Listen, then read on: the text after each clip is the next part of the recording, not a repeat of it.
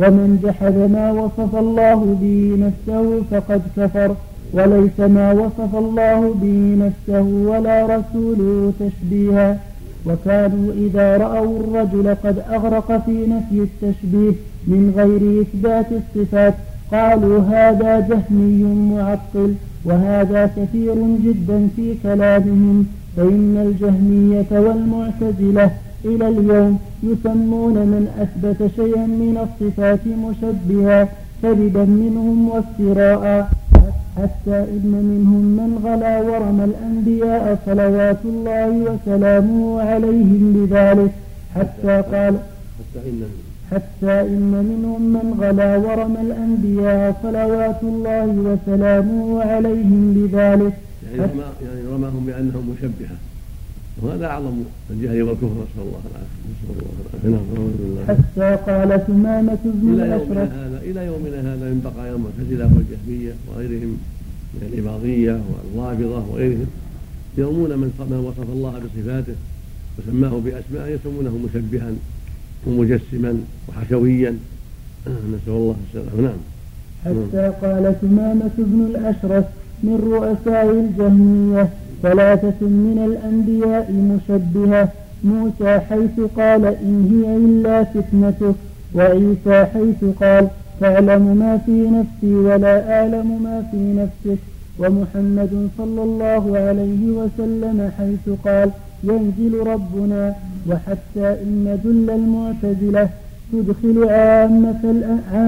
الأئمة مثل عامة الأئمة مثل مالك وأصحابه والثوري وأصحابه والأوزاعي والأوزاعي وأصحابه والشافعي وأصحابه وأحمد وأصحابه وإسحاق بن راهوية وأبي عبيد وغيرهم في قسم المشبهة وقد صنف أبو إسحاق إبراهيم بن عثمان بن درباس الشافعي جزءا سماه تنزيها إن في الشريعة عن الألقاب الشنيعة ذكر فيه كلام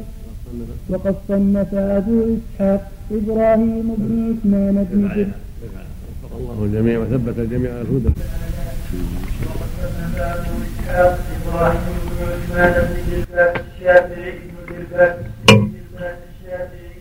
جزءا سماه تنزيها أئمة الشريعة عن الألقاب الشنيعة ذكر فيه كلام السلف وغيرهم في معاني هذا الباب. وقد صنف وقد صنف ابو اسحاق ابراهيم بن عثمان بن درباسي الشافعي. لا ما فيش. راجعت. لا والله ما رجع. راجعوا ان شاء الله. نعم. سماه تنزيلا ابراهيم بن عثمان الدرباسي نعم ابراهيم, إبراهيم بن درباس بن درباس الشافعي نعم نعم جزءا سماه تنزيه أئمة الشريعة عن الألقاب الشنيعة ذكر فيه كلام السلف وغيرهم في, في وغيرهم في معاني هذا الباب وذكر أن أن أهل البدع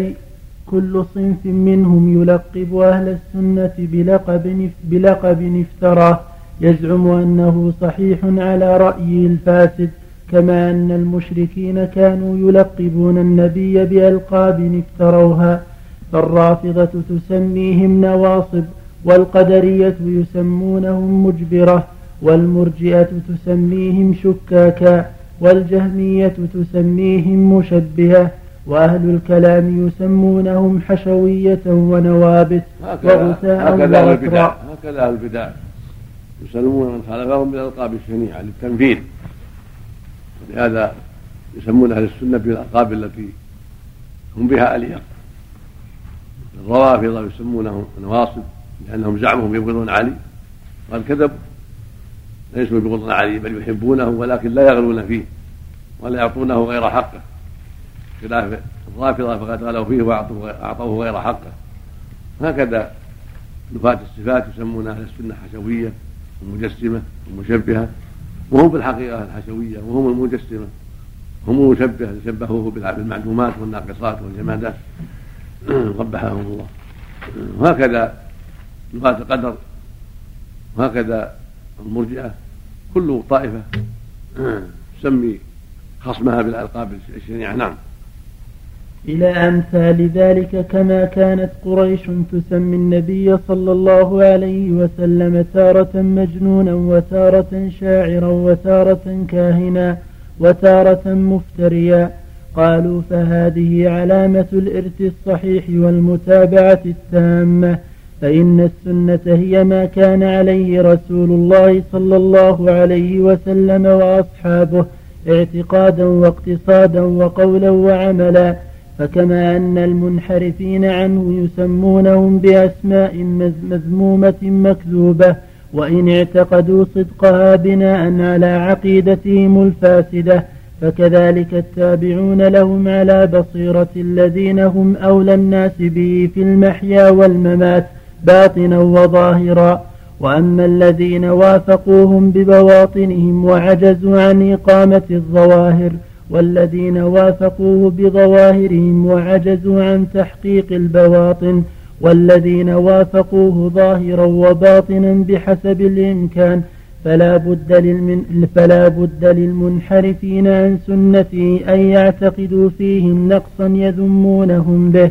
ويسمونهم بأسماء مكذوبة وإن اعتقدوا صدقها كقول الرافض من لم يبغض أبا بكر رضي الله عنه وعمر رضي الله عنه فقد أبغض عليا لأنه لا ولاية لعلي إلا بالبراءة منهما ثم يجعل من أحب أبا بكر وعمر رضي الله عنهما ناصبيا بناء على هذه الملازمة الباطلة التي اعتقدها صحيحة أو عاند فيها وهو الغالب وكقول القدري من اعتقد أن الله أراد الكائنات وخلق أفعال العباد فقد سلب من العباد الاختيار والقدرة وجعلهم مجبورين كالجمادات التي لا إرادة لها ولا قدرة وكقول الجهمي من قال إن الله فوق العرش فقد زعم أنه محصور وأنه جسم مركب محدود وأنه, وأنه مشابه لخلقه وكقول الجهمي المعتزلة من قال إن, أن, أن لله علما وقدرة فقد زعم أنه جسم مركب وأنه مشبه لأن هذه الصفات لأن هذه الصفات أعراض والعرض لا يقوم إلا بجوهر متحيز وكل متحيز جسم مركب أو جوهر فرد ومن قال ذلك فهو مشبه لأن الأجسام متماثلة ومن حكى عن الناس المقالات وسماهم بهذه الأسماء المكذوبة بناء على عقيدته التي التي هم مخالفون له فيها فهو وربه والله والله من ورائه بالمرصاد ولا يحيق المكر السيء إلا بأهله وجماع الأمر أن الأقسام الممكنة في في آيات الصفات وأحاديثها ستة أقسام كل قسم عليه طائفة من أهل القبلة قسمان يقولون وقسمان يقولان تجرى على ظواهرها وقسمان يقولان هي على خلاف ظاهرها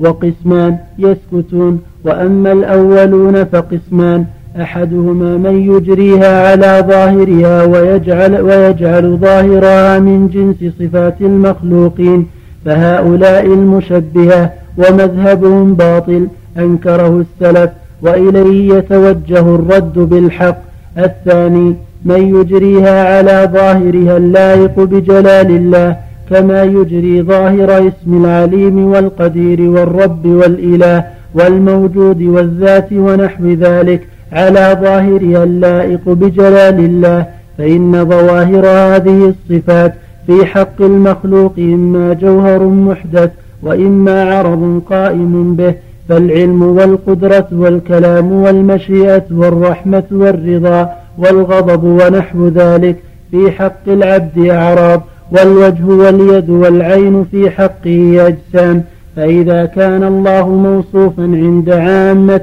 أهل الإثبات بأن له علما وقدرة وكلاما ومشيئة وإن لم يكن ذلك عرضا يجوز عليه ما يجوز على صفات المخلوقين جاز أن يكون وجه الله ويداه صفات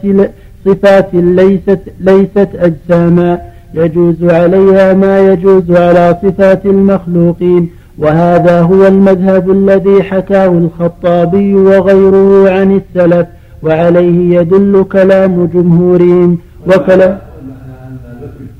صفات الله واسماءه على وجه لا يقبل سواء كانت من العلم والقدره ونحو ذلك او من اسماء الذوات كالوجه واليد والقلم ونحو ذلك والسمع والبصر كلها يجب اثباتها لله على وجه اللائق به من غير ان يشابه خلقه في شيء من صفاته وصفات المخلوقين بوجوههم وأيديهم وعلومهم يقتضي يعتريها النقص والعدم والضعف فهو يموت ويعمى ويصيبه ما يصيبه من الآفات أما الله عز وجل منزه عن هذا كله لا يعتري صفاته نقص بل له الكمال المطلق من كل وجوه في ذاته وأسمائه وصفاته فلها صفة الكمال ولا يعتريها نقص بوجه من الوجوه لأنه كامل سبحانه في ذاته وأسمائه وصفاته وأفعاله لا شبيه له ولا كفوا له ولا لله سبحانه وتعالى نعم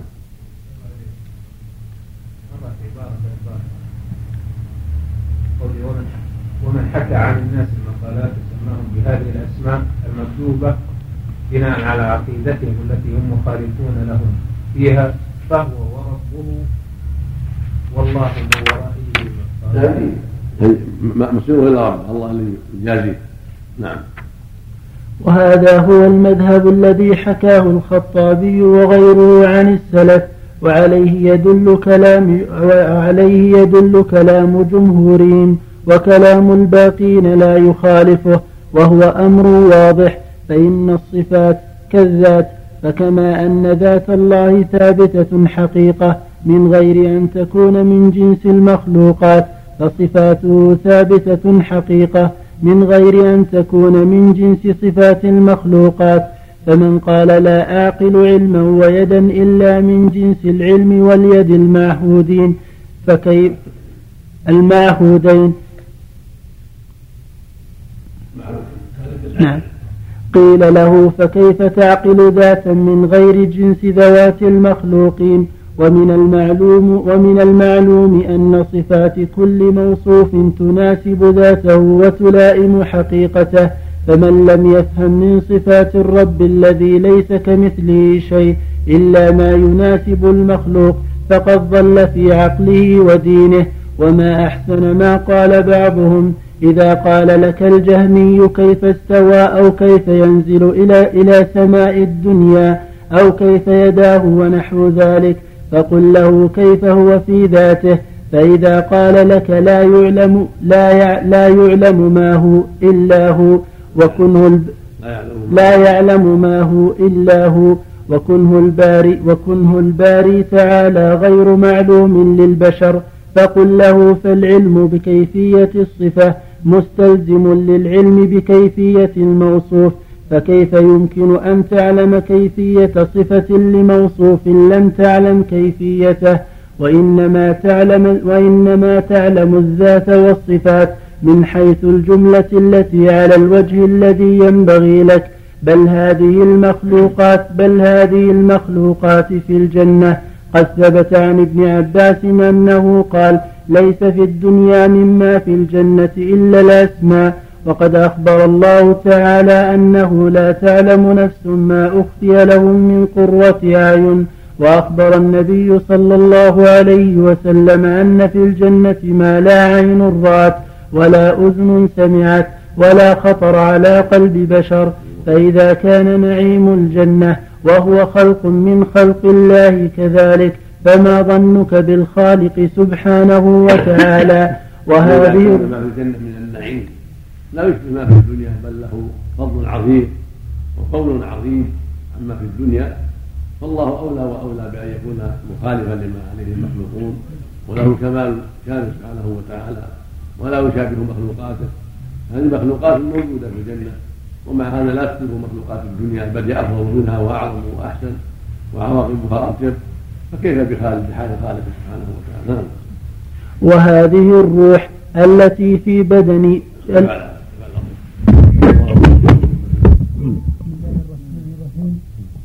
شيخ الإسلام ابن تيمية رحمه الله تعالى وهذه الروح التي في بني آدم قد علم العاقل اضطراب الناس فيها وإمساك النصوص عن بيان كيفيتها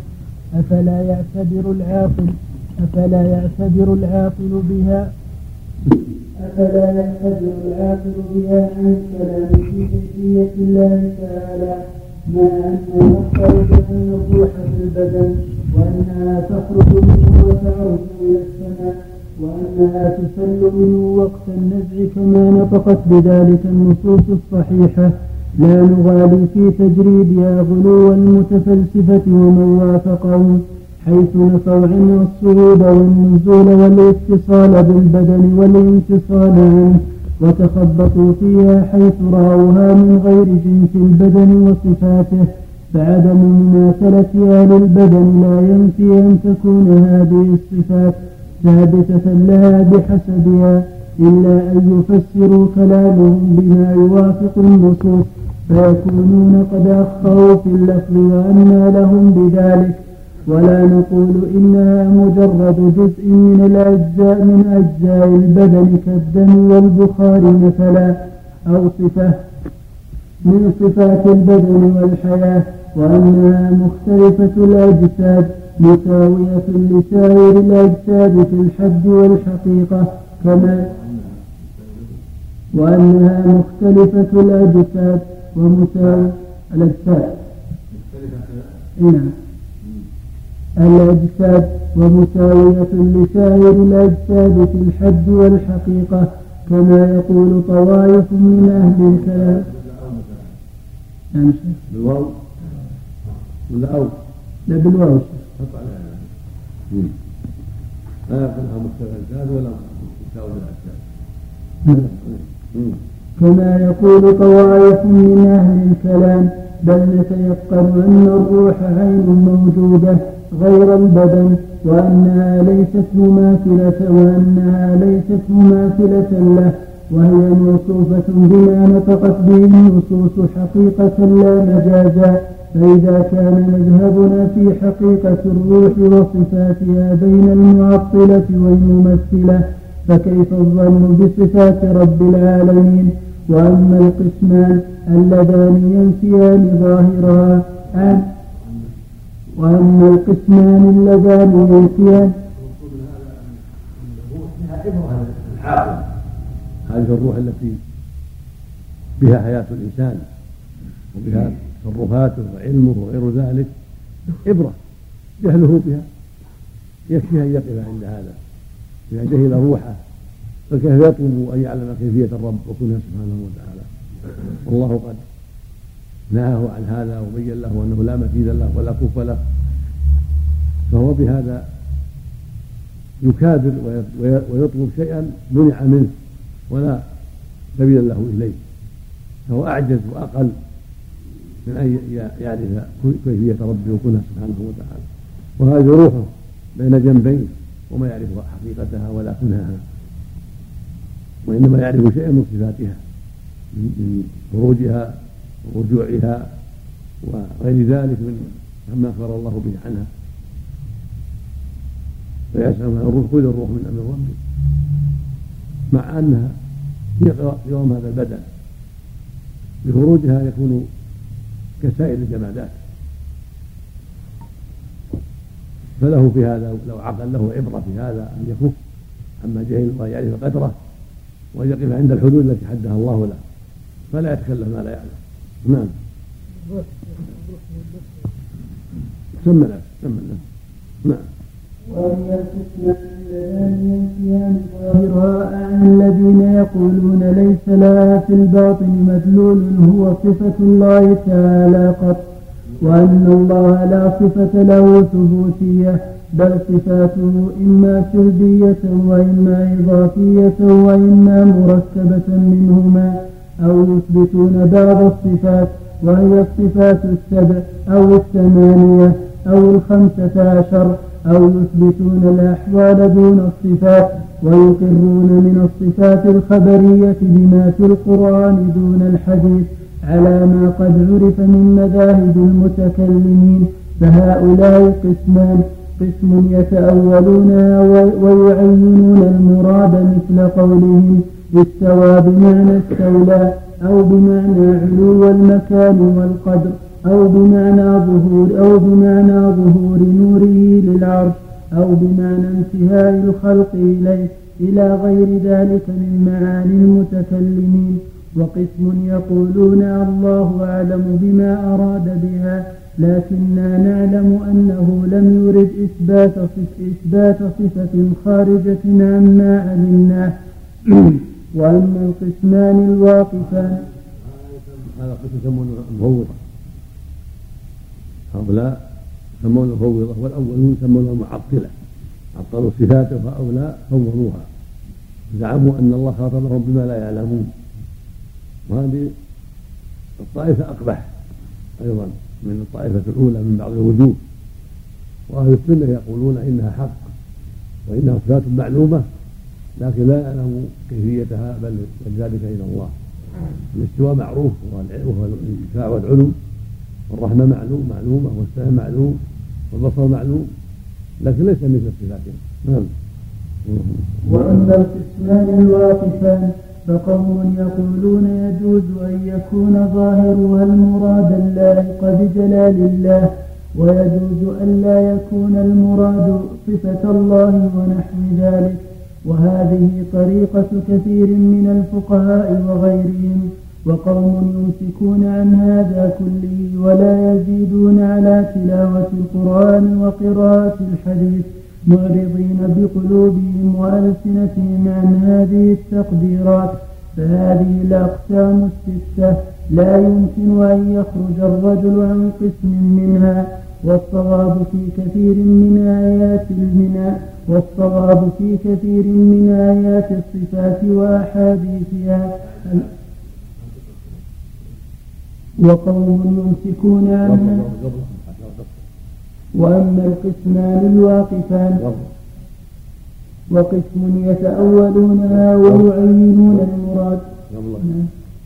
وأما القسمان اللذان ينفيان ظاهرها عن الذين يقولون ليس لها في الباطن مدلول هو صفة الله تعالى قط وأن الله لا صفة له ثبوتية بل صفاته إما سلبية وإما إضافية وإما مركبة منهما أو يثبتون بعض الصفات وهي الصفات السبع أو الثمانية أو الخمسة عشر أو يثبتون الأحوال دون الصفات ويقرون من الصفات الخبرية بما في القرآن دون الحديث على ما قد عرف من مذاهب المتكلمين فهؤلاء قسمان قسم يتأولونها ويعينون المراد مثل قولهم استوى بمعنى نستولى أو بمعنى علو المكان والقدر أو بمعنى ظهور نوره للعرش أو بمعنى انتهاء الخلق إليه إلى غير ذلك من معاني المتكلمين وقسم يقولون الله أعلم بما أراد بها لكننا نعلم أنه لم يرد إثبات صفة خارجة عما علمناه وأما القسمان الواقفان فقوم يقولون يجوز أن يكون ظاهرها المراد اللائق بجلال الله ويجوز ألا يكون المراد صفة الله ونحو ذلك وهذه طريقة كثير من الفقهاء وغيرهم وقوم يمسكون عن هذا كله ولا يزيدون على تلاوة القرآن وقراءة الحديث معرضين بقلوبهم وألسنتهم عن هذه التقديرات فهذه الأقسام الستة لا يمكن أن يخرج الرجل عن قسم منها والصواب في كثير من آيات الصفات وأحاديثها القطع بالطريقة الثابتة, الثابتة كالآيات والأحاديث الدالة الدالة على أن الله سبحانه وتعالى فوق عرشه ويعلم ويعلم طريقة الصواب في هذا وأمثاله ويعلم طريقة الصواب في هذا وأمثاله بدلالة القرآن والسنة والإجماع على ذلك دلالة لا تحصى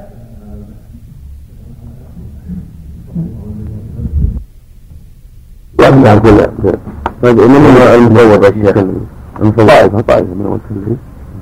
المتكلمين ما يعرف شيخ الاسلام ابن تيميه رحمه الله تعالى والصواب في كثير من ايات الصفات واحاديثها القطع بالطريقه الثابته فالايات والاحاديث الداله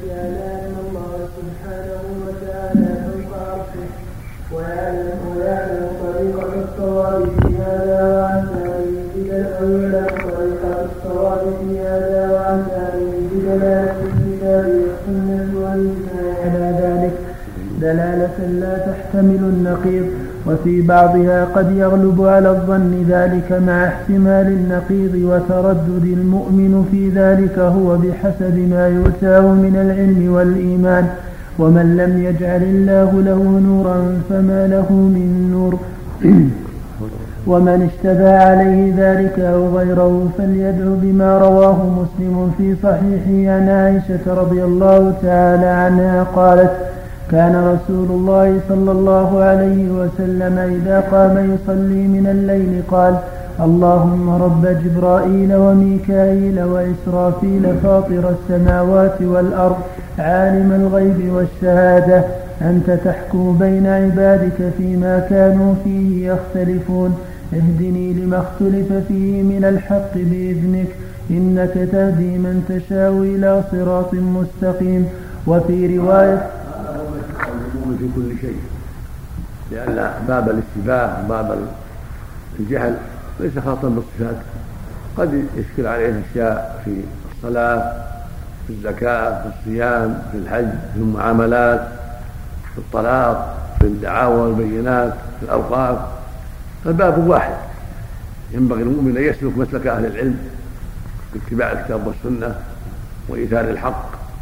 في باب الصفات وغيرها في باب الصفات مسلك أهل السنة والجماعة في إثبات الصفات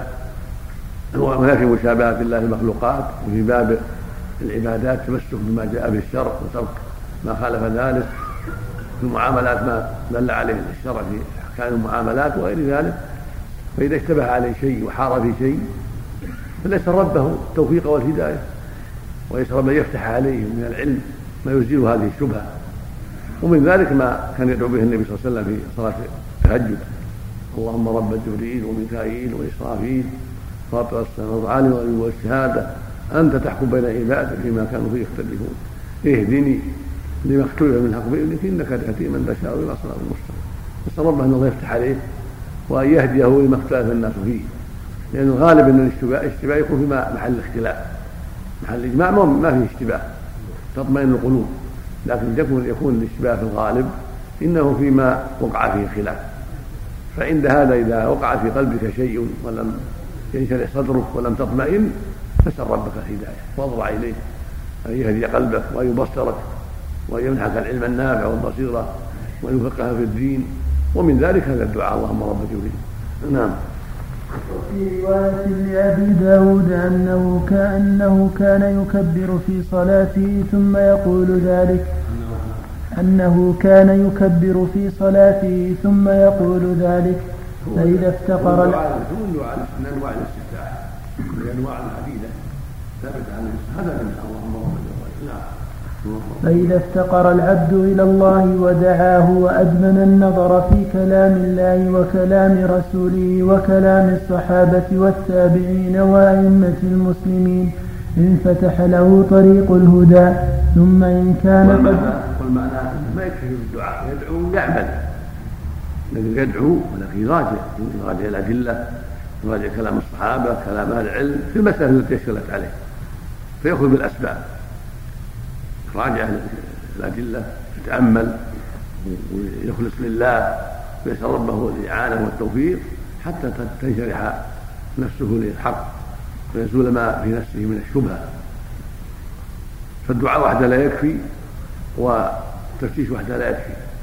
يجمع بينهما يدعو ربه يخلص اليه سبحانه وتعالى ويصدق في ذلك ويبحث ويطالع ويراجع ويسال اهل العلم وهكذا يعني ياخذ بالاسباب كلها هكذا الصادق في طلبه يجمع بين الاسباب كلها مثل ما ان يطلب الرزق كذلك يفعل الاسباب كان في مزرعه سقى الزرع واعتنى بالزرع وازال اسباب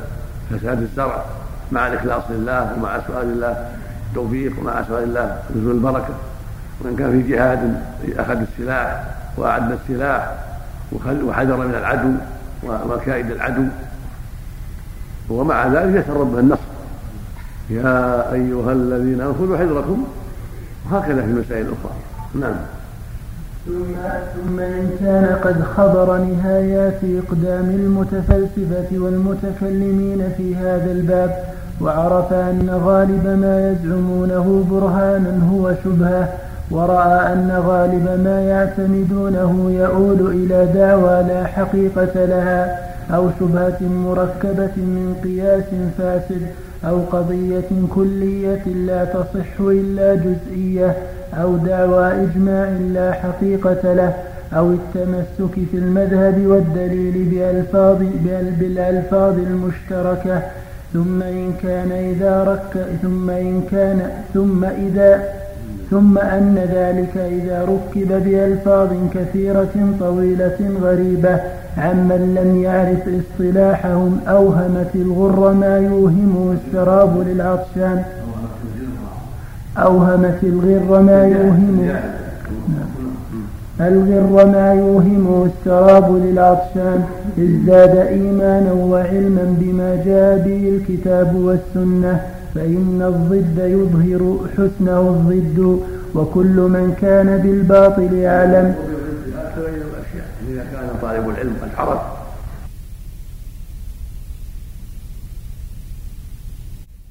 ثم إن كان إذا رك ثم إن كان ثم إذا ثم أن ذلك إذا ركب بألفاظ كثيرة طويلة غريبة عمن لم يعرف اصطلاحهم أوهمت الغر ما يوهمه السراب للعطشان أوهمت الغر ما يوهمه الغر ما يوهمه السراب للعطشان ازداد إيمانا وعلما بما جاء به الكتاب والسنة فإن الضد يظهر حسنه الضد وكل من كان بالباطل أعلم إذا كان طالب العلم قد عرف حال المتكلمين ونهاية إقدامهم وما صاروا إليه من الشك والريب ثم تحولوا بعد ذلك إلى تحول بعضهم إلى قول أهل الحق وعرف أن ما يدعونه من الدعاوى ما بين كذب وما بين شيء فاسد قياس فاسد وما بين برهان لا حقيقة له وإنما هو شبهة وبين قواعد أسسوها لا أساس لها وبين إجماعات ادعوها لا حقيقة لها إذا كان عنده بصيرة بهذه الأمور ازداد علما وازداد بصيرة واطمأن إلى ما هداه الله إليه من العلم الذي حرمه أولئك حتى اصروا بعده إلى الشك والريب والجهل أو رجعوا بعده إلى الحق والصواب نعم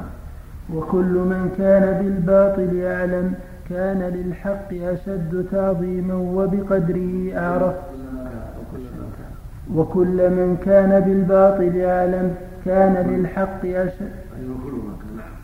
وكل من كان بالباطل أعلم كان للحق أشد تعظيما وبقدره أعرف إذا هدي إليه لأن علمه السابق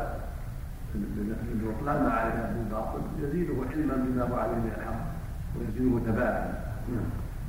فأما المتوسطون من المتكلمين فيخاف عليهم ما لا يخاف على من لم يدخل فيه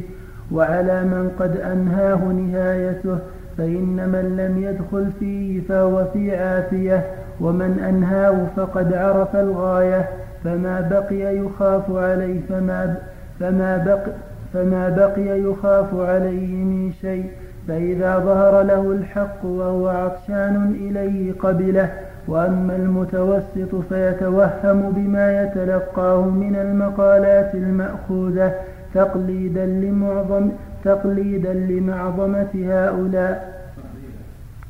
تقليدا لمعظمة هؤلاء لمعظمة هؤلاء أو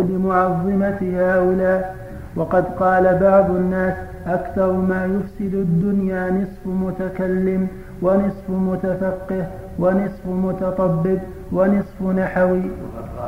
وقد قال بعض الناس أكثر ما يفسد الدنيا نصف متكلم ونصف متفقه ونصف متطبب ونصف نحوي هذا يفسد الأديان وهذا يفسد البلدان وهذا يفسد الأبدان وهذا يفسد اللسان ومن علم أن المتكلمين من المتفلسفة وغيرهم في الغالب في قول مختلف يؤفك عنه من أفك يعلم الذكي منهم والعاقل أنه ليس هو فيما يقوله على بصيرة وأن حجته ليست ببينة وإنما هي كما قيل فيها حجج تهافت كالزجاج تخالها حقا وكل كافر مكسور وكل كافر خاسر مكسور ويعلم العليم البصير بهم أنهم من وجه مستحقون ما قاله الشافعي رضي الله عنه حيث قال حكم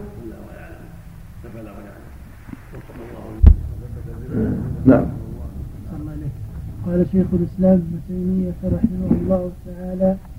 يعلم العليم البصير بهم أنهم من وجه مستحقون ما قاله الشافعي رضي الله تعالى عنه حيث قال حكمي في أهل كلامه يضرب بالجليل والنهال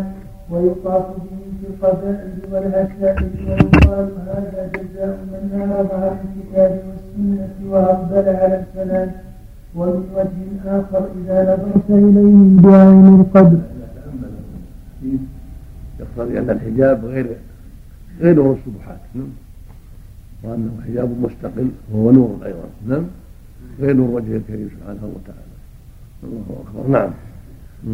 لهذا قال لو كشفه نعم نعم ومن وجه آخر إذا نظرت إليهم بعين القدر والحيرة مستولية عليهم والشوق ويعلم البصير بهم أنهم من وجه مستحقون ما قاله الشافعي رضي الله عنه حيث قال حكمي في أهل الكلام أن يضربوا بالجريد والنعال ويطاف بهم في القبائل والعشائر ويقال هذا جزاء من أعرض عن الكتاب والسنة وأقبل على الكلام ومن وجه آخر إذا نظرت إليهم بعين القدر والحيرة بعين القدر والحيرة مستولية عليهم والشيطان مستحمد عليهم رحمته وترفقت بهم أوتوا ذكاء وما أوتوا ذكاء وأعطوا فهما وما أوتوا علوما وأعطوا سمعا وأبصارا وأفئدة أوتوا ذكاء وما أوتوا ذكاء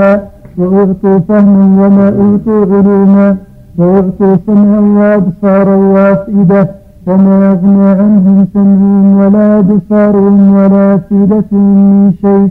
إذ كانوا يجحدون بآيات الله وحاق بهم ما كانوا به يستهزئون ومن كان عليما بهذه الأمور تبين له بذلك حزق السلف وعلمهم وخبرة ومن كان عليما بهذه الأمور وبين له بذلك حذق السلف وعلمهم نعم. حذق السلف وعلم نعم. حذق السلف وعلمهم وخبرتهم حيث حيث حذروا عن الكلام ونهوا عنه وظنوا أهله وعابوهم وعلم أن من ابتغى الهدى في غير الكتاب والسنة لم يزدد من الله إلا بعدا فنسأل الله العظيم أن يهدينا صراطه المستقيم صراط الذين أنعم عليهم غير المغضوب عليهم ولا الضالين آمين والحمد لله رب العالمين وصلاته وسلامه على محمد خاتم النبيين وآله وصحبه أجمعين يقول رحمه الله في أهل الكلام أنه ينبغي أن ينظر إليهم بنظرين أهل الكلام الذين خاضوا في الكلام ولم يكتفوا بالكتاب والسنة حتى وقعوا فيما وقعوا فيه من الشك والحيرة وحتى سببوا للناس شكا وحيرة وحتى سببوا للناس مشاكل كثيرة ونزاعا ومناظرات وتعابا كثيرا من نظر إليهم من جهة خلافهم الكتاب والسنة وإعراضهم عن النصوص تحكيمهم آراءهم صوب ما قاله الشافعي فيهم ورأى أنه كلام عظيم صدر من إمام جليل رحمه الله حيث قال حكم في أهل الكلام أن يضرب بالجريد والنعال ويطاف بهم في الأسواق والعشائر ويقال له ويقال هذا جزاء من أعرض عن كتاب السنة وخاض بالرأي نعم هذا كلام صحيح كلام عظيم هم يجرون به ويحققون به لإعراضهم عن النصوص وتلبيسهم على الناس وإشغالهم أفكار الناس حتى حار من حار وظل من ظل بأسبابهم فهم يجدرون بأن جرت أخلاقهم في الأسواق والعشائر والبلدان ويجلدوا ويضربوا وينكل بهم لعملهم الخبيث وإعراضهم عن النصوص ومن نظر فيهم بنظر ثاني وهو أنهم أصابتهم حيرة وشك وريب وتمتعت عليهم الأمور من نظرهم بهذا النظر رحمهم ورأى أن من الواجب أن يعلموا وان يوجهوا وأن يصبر عليهم حتى لعلهم يهتدون لعلهم يتبصرون وهذا الذي قاله الشيخ رحمه الله صحيح في حق من لم يعاند أما من عاند وكابر ولم يقبل الهدى ولم يقبل التوجيه فليس له إلا ما قال الشافعي رحمه الله وما هو أشد منه من ضرب عنقه وإراحة العالم منه أو تخليده في السجون حتى يستريح الناس من شره وبلاء فإن هؤلاء القوم مثل ما قال رحمه الله أبو العباس أعطوا ذكاء وما أعطوا ذكاء عندهم ذكاء عندهم فهوم عندهم حزق ولكن لم يوفقوا لم يعطوا زكاة لم يزكي لم يزكيهم الله ولم يعطهم علما علما نافعا بل عندهم فهوم ضلوا بها وعنده ذكاء ضلوا به كثير من الاذكياء قد يتزندق بسبب ذكائه ويحتقر الناس ويرى انه ليس على شيء فيضل ويهلك نعوذ بالله لانه يرى ان علمه فوق علمهم وفهمه فوق فهمهم وذكاءه فوق ذكائهم كما جرى لاصحاب الكلام واصحاب الحيره من الجهميه والمعتزله وغيرهم من أهل البلاء ظنوا أنهم مصيبون وأن أفهامهم فوق أفهام غيرهم وأنهم هؤلاء ما عندهم بصيرة وأنهم بلداء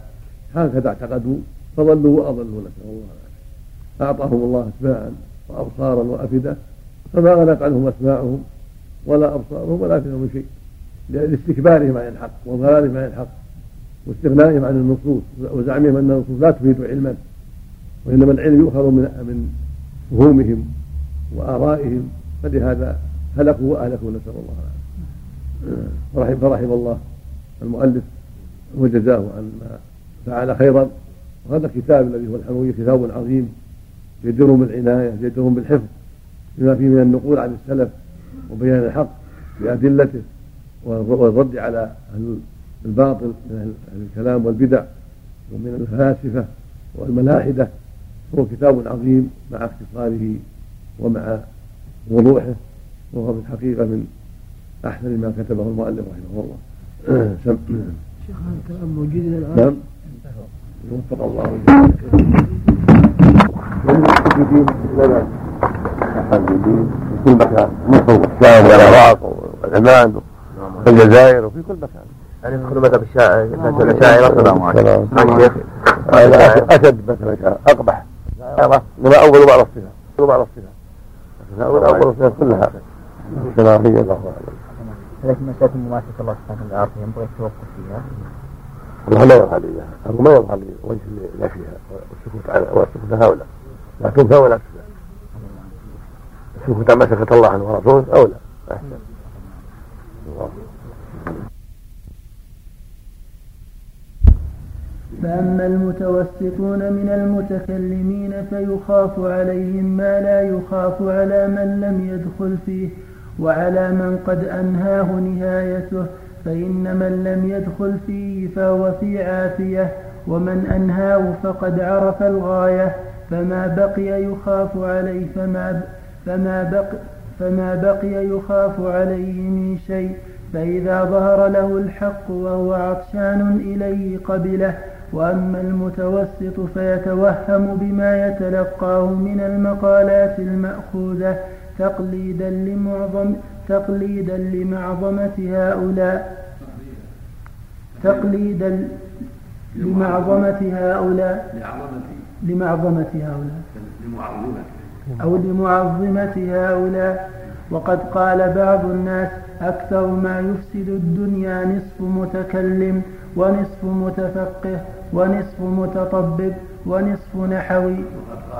وقد قال بعض الناس أكثر ما يفسد الدنيا نصف متكلم ونصف متفقه ونصف متطبب ونصف نحوي هذا يفسد الأديان وهذا يفسد البلدان وهذا يفسد الأبدان وهذا يفسد اللسان ومن علم أن المتكلمين من المتفلسفة وغيرهم في الغالب في قول مختلف يؤفك عنه من أفك يعلم الذكي منهم والعاقل أنه ليس هو فيما يقوله على بصيرة وأن حجته ليست ببينة وإنما هي كما قيل فيها حجج تهافت كالزجاج تخالها حقا وكل كاسر مكسور وكل كاسر كاسر مكسور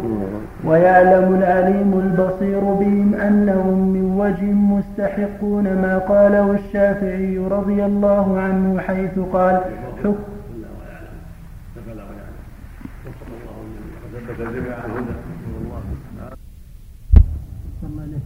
قال شيخ الإسلام ابن تيمية رحمه الله تعالى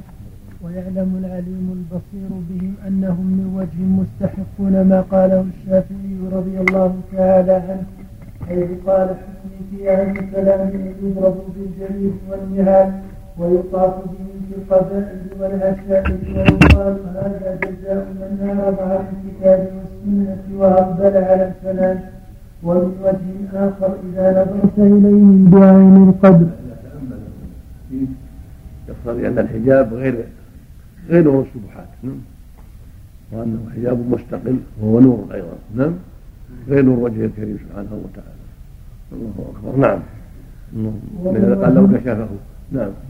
نعم ومن وجه آخر إذا نظرت إليهم بعين القدر والحيرة مستولية عليهم والشيطان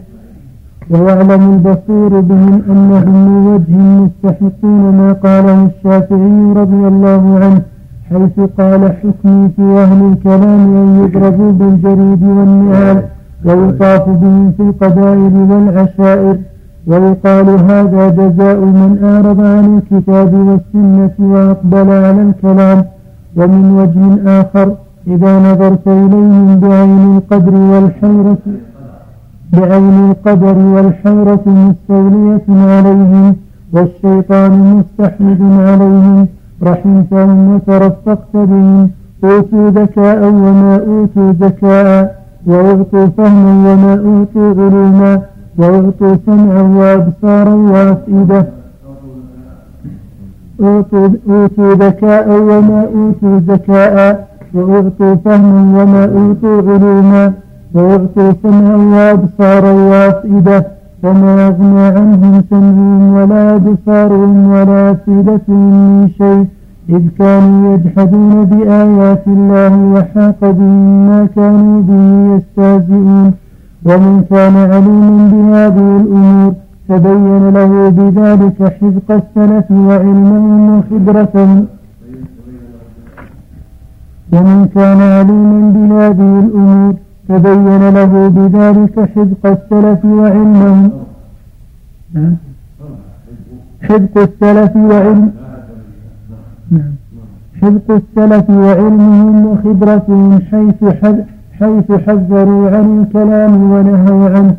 وظنوا أهله وعابوهم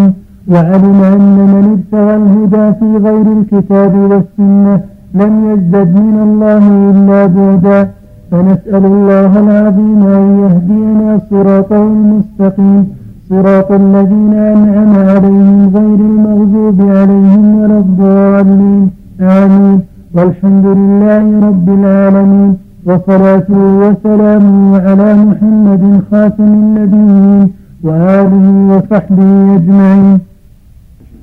يقول رحمه الله في أهل الكلام أنه ينبغي أن ينظر إليهم بنظرين أهل الكلام الذين خاضوا في الكلام ولم يكتفوا بالكتاب والسنة حتى وقعوا فيما وقعوا فيه من الشك والحيرة وحتى سببوا للناس شكا وحيرة وحتى سببوا للناس مشاكل كثيرة ونزاعا ومناظرات وتعابا كثيرة من نظر إليهم من جهة خلافهم الكتاب والسنة وإعراضهم عن النصوص تحكيمهم آراءهم صوب ما قاله الشافعي فيهم ورأى أنه كلام عظيم صدر من إمام جليل رحمه الله حيث قال حكم في أهل الكلام أن يضرب بالجريد والنعال ويطاف بهم في الأسواق والعشائر ويقال له ويقال هذا جزاء من أعرض عن كتاب السنة وخاض بالرأي نعم هذا كلام صحيح كلام عظيم هم جديرون به ويحققون به لإعراضهم عن النصوص وتلبيسهم على الناس وإشغالهم أفكار الناس حتى حار من حار وظل من ظل بأسبابهم فهم يجرون بأن جاطف في الأسواق والعشائر والبلدان ويجلدوا ويضربوا وينكل بهم بعملهم الخبيث وإعراضهم عن النصوص ومن نظر فيهم بنظر ثاني وهو أنهم أصابتهم حيرة وشك وريب وتبسعت عليهم الأمور من نظرهم بهذا النظر رحمهم ورأى أن من الواجب أن يعلموا ويوجهوا وأن يصبر عليهم حتى لعلهم يهتدون لعلهم يتبصرون وهذا الذي قاله الشيخ رحمه الله صحيح في حق من لم يعاند أما من عاند وكابر ولم يقبل الهدى ولم يقبل التوجيه فليس له إلا ما قال الشافعي رحمه الله وما هو أشد منه من ضرب عنقه وإراحة العالم منه أو تخليده في السجون حتى يستريح الناس من شره وبلاء فإن هؤلاء القوم مثل ما قال رحمه الله أبو العباس أعطوا ذكاء وما أعطوا ذكاء عندهم ذكاء عندهم فهوم عندهم حذر ولكن لم يوفقوا لم يعطوا زكاة لم يزكي لم يزكهم الله ولم يعطهم علما علما نافعا بل عندهم فهوم ضلوا بها وعندهم ذكاء ضلوا به كثير من الاذكياء قد يتزندق بسبب ذكائه ويحتقر الناس ويرى انهم ليسوا على شيء فيضل ويهلك نعوذ بالله لانه يرى ان علمه فوق علمهم وفهمه فوق فهمهم وذكاءه فوق ذكائهم كما جرى لاصحاب الكلام واصحاب الحيره من الجهميه والمعتزله وغيرهم من أهل البلاء ظنوا أنهم مصيبون وأن أفهامهم فوق أفهام غيرهم وأنهم هؤلاء ما عندهم بصيرة وأنهم بلداء هكذا اعتقدوا فظلوا وأضلوا نسأل الله العافية أعطاهم الله أسماعا وأبصارا وأفئدة فما غنت عنهم أسماعهم ولا أبصارهم ولا أفئدهم شيء لاستكبارهم عن الحق وضلالهم عن الحق واستغنائهم عن النصوص وزعمهم أن النصوص لا تفيد علما وإنما العلم يؤخذ من من وهمهم وآرائهم فلهذا هلكوا وأهلكوا نسأل الله العافية آه، فرحم الله المؤلف وجزاه عما فعل خيرا وهذا الكتاب الذي هو الحموي كتاب عظيم يجر بالعناية يجر بالحفظ بما فيه من النقول عن السلف وبيان الحق بأدلته والرد على الباطل من أهل الكلام والبدع ومن الفلاسفة والملاحدة هو كتاب عظيم مع اختصاره ومع وضوحه وهو في الحقيقة من أحسن ما كتبه المؤلف رحمه الله شيخ هذا الكلام موجود الآن نعم يوفق الله لنا محددين في كل مكان مصر والشام والعراق والعمان والجزائر وفي كل مكان يعني كل مذهب الشاعر الشاعر السلام عليكم الشيخ اشد مثلا اقبح شعيرة إنما أول بعض الصفات الأول أول الصفات كلها كما هي الله عليه الرسول جابر حينما صلى ورداءه على المسجد ماذا يجاب عنه عن الحديث؟ إذا كان إن كان إن كان ينظر في طرق الحديث إن كان التحف به كان التحف بالإزار زال الإشكال إن كان ما التحف به ودليل على أنه يرى أن الرداء ما هو ان الإزار يكفي يرى مذهب الجمهور لكن بس الله يبارك الروايات أنه التحف بالإزار واكتفى ترك الربا يعني نعم. يعني كفاح. يعني قال يقول النبي لا التحف به عفى التحف سفر المرأة الحديث نهى عن سفرها يوم وليلة بعضها يومين بعض ثلاثة أيام هذا مثل ما قال العلماء على حسب الأسئلة نعم. ولكن يجمعها قول الصلاة لا تستحمل امرأة إلا مع ذي محرم عام ما يسمى سفر نعم يعني يسمى سفر يوم وليلة أو ثلاثة أيام أو أكثر أو أقل ما يسمى سفر على هذا أقل ما ورد يوم وليلة لا ده في رواية بريد بريد ما كان بريدا نعم والبريد السيوف نعم عليكم سفر نعم. يعني يؤخذ منها على مثل الله في تقييد رحمه نعم. الله وفي مشهور ولكن الجمهور يوم وليلة هذا الجمهور الجمهور لو كان حبيب مثل هذا الأشياء الخفيفة اللي تكون مع النساء ولا يسمى سواء عند الجمهور أسهل تمثيل والبريد عند الضرورة نعم يعني السفر لوحده نعم. الرجل لوحده ما هو الرجل أن يسافر لوحده ولو يعلمون والله محل نظر أقول محل نظر الله أعلم لكن مسألة مماثله الله سبحانه وتعالى ينبغي التوقف فيها الله لا يظهر لي أو ما يظهر لي وجه لا فيها والسكوت على والسكوت هؤلاء لا تنفى ولا تنفى السكوت عما سكت الله عنه ورسوله أولى أحسن الله فرغ من قراءة هذا الكتاب على سماحة الشيخ عبد العزيز بن عبد الله بن باز فجر يوم الأحد الثامن والعشرين من, من الشهر الخامس من عام 1408 من الهجرة النبوية على صاحبها أفضل الصلاة والسلام نحمد الله الذي مكننا من إتمام هذه المجموعة لتصل إليك بهذا الشكل دفعنا إلى ذلك قوله تعالى وما كان المؤمنون لينفروا كافة فلولا نفر من كل فرقة منهم طائفة ليتفقهوا في الدين ولينذروا قومهم إذا رجعوا إليهم لعلهم يحذرون وقوله صلى الله عليه وسلم نظر الله امرأ سمع منا حديثا فحفظه حتى يبلغنه